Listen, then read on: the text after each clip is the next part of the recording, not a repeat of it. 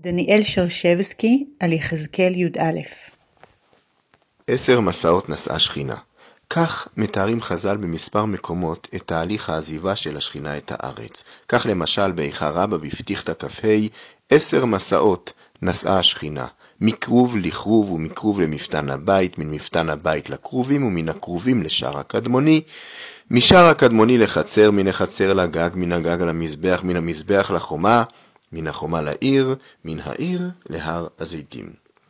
בפרק א' הופיעה המרכבה לעיני יחזקאל, ובתהליך ששיאו בפרקנו, היא עוזבת את המקדש ומתייצבת בתחנה האחרונה על הר הזיתים. לא ברגע אחד השכינה עוזבת, וגם כשהיא כבר יוצאת, היא מתעכבת, מסרבת לעזוב. כך במדרש אמר רבי יונתן, שלוש שנים ומחצה עשתה השכינה יושבת על הר הזיתים.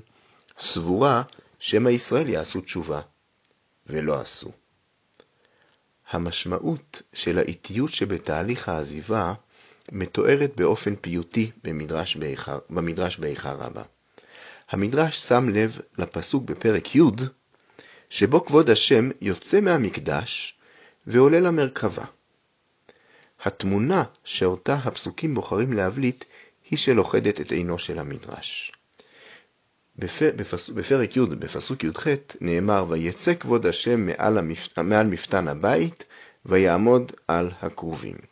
אומר המדרש, לא היה צריך קרא למימר, אלא ויבוא.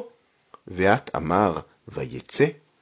המדרש מתכוון לכך שבעצם הפסוק מתאר את מעבר השכינה אל הכרובים. אומר המדרש, מספיק היה לומר, ויבוא אל הכרובים, אל המרכבה.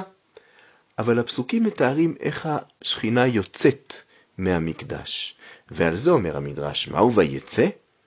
אמר רבי אחא למלך, כלומר משל למלך, שהיה יוצא מפלטין שלו בכעס.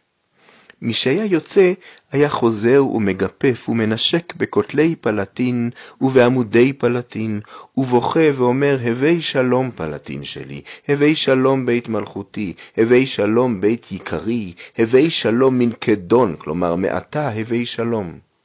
כך משהייתה שכינה יוצאת מבית המקדש, הייתה חוזרת ומגפפת ומנשקת בכותלי בית המקדש, ובעמודי בית המקדש, ובוכה ואומרת הווי שלום בית מקדשי, הווי שלום בית מלכותי, הווי שלום בית יקרי, הווי שלום מן כדון הווי שלום. כך שם במדרש באיכה רבה. אחד עשר פרקים נמשכת העזיבה של כבוד השם את הארץ, צעד אחרי צעד. ואל תוך האיטיות הזו, המדרש קורא את הצער, את הכאב.